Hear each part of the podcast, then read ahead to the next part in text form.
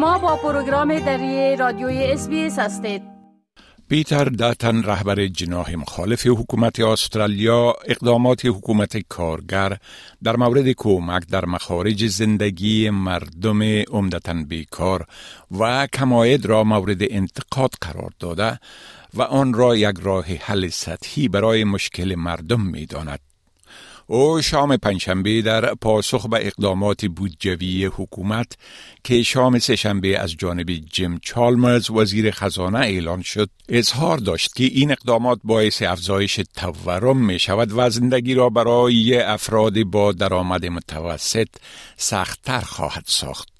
آقای داتن همچنان از تدابیر بودجوی حکومت فدرالی در ارتباط با طرح ملی بیمه معلولین مسکن و مهاجرت انتقاد کرد. او می‌گوید میلیون ها استرالیایی برای پرداخت صورت حساب های خود با مشکل مواجه هستند و با کاهش تنگ دستیشان نیاز فوری وجود دارد. The inflation rate in our country is higher than any G7 nation. And the problem with inflation, it's coming out of Canberra. And the government's decisions in this budget will keep your interest rates higher for longer, which is going to have a negative impact on families and small businesses.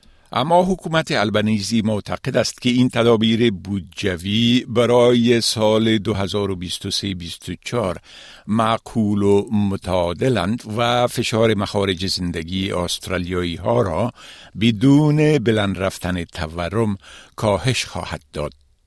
بعضی از اقدامات مهم بودجوی حکومت حزب کارگر مشتملند به افزایش 20 دلار در یک هفته در پرداخت های بیکاری JobSeeker، Austudy و Youth Allowance، افزایش 92 دلار و 10 سنت در دو هفته در معاش بیکاران بالاتر از 55 سال. 15 فیصد افزایش کمک در کرایه منازل برای مردم بیکار و کم درآمد.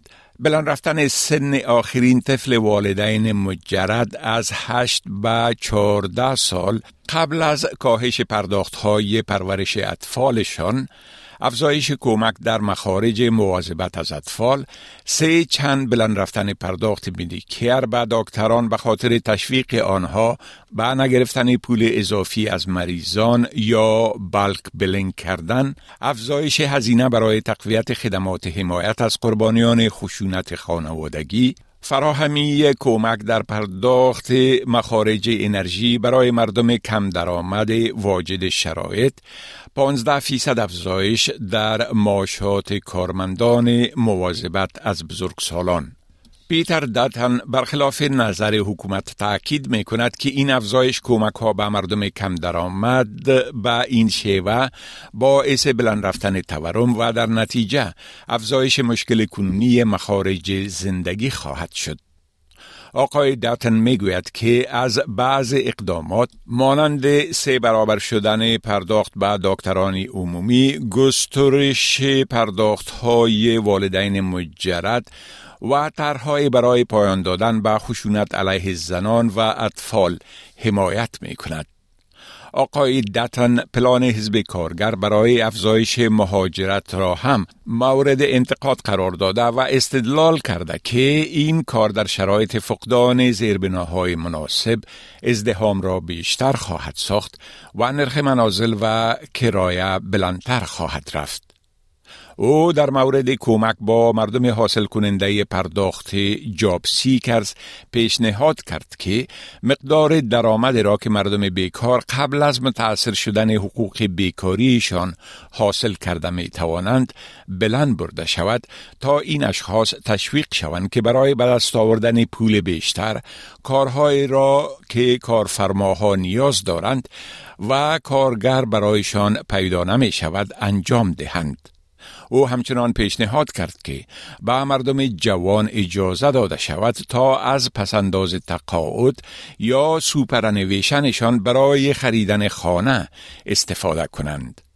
آقای دتن حکومت کارگر را به فراموش کردن مردم متوسط الحال متهم کرده و گفت که در بودجه چیزی برای آنها در نظر گرفته نشده است. The Treasurer's cost of living relief though is only temporary. That temporary relief is targeted at Australians on welfare, but at the expense of the many, including Labor's working poor. It's a band aid now, but much more pain later. And the government's spending is only going to fuel the nation's inflation. This budget is a missed opportunity at economic structural reform and building a stronger economy. اما جیم چالمرز وزیر فدرالی خزانه این ادعا را رد کرده و می گوید که رهبر جناح مخالف تلاش می کند با این تفسیر خود از بودجه در بین مردم تفرقه ایجاد کند. Peter Dutton needs to put an end to this division. Now, Peter Dutton is a divisive figure, but he's not a credible figure. Peter Dutton takes his cues from Tony Abbott and Scott Morrison. Everybody's moved on from Tony Abbott and Scott Morrison except for Peter Dutton. Uh, his strategy is to divide Australians, to pit Australians against each other in the aftermath of this budget. Our budget is about bringing people together, support for the vulnerable, support for Middle Australia, and key investments in opportunities and future growth in the economy. Uh, that is our priority as a government.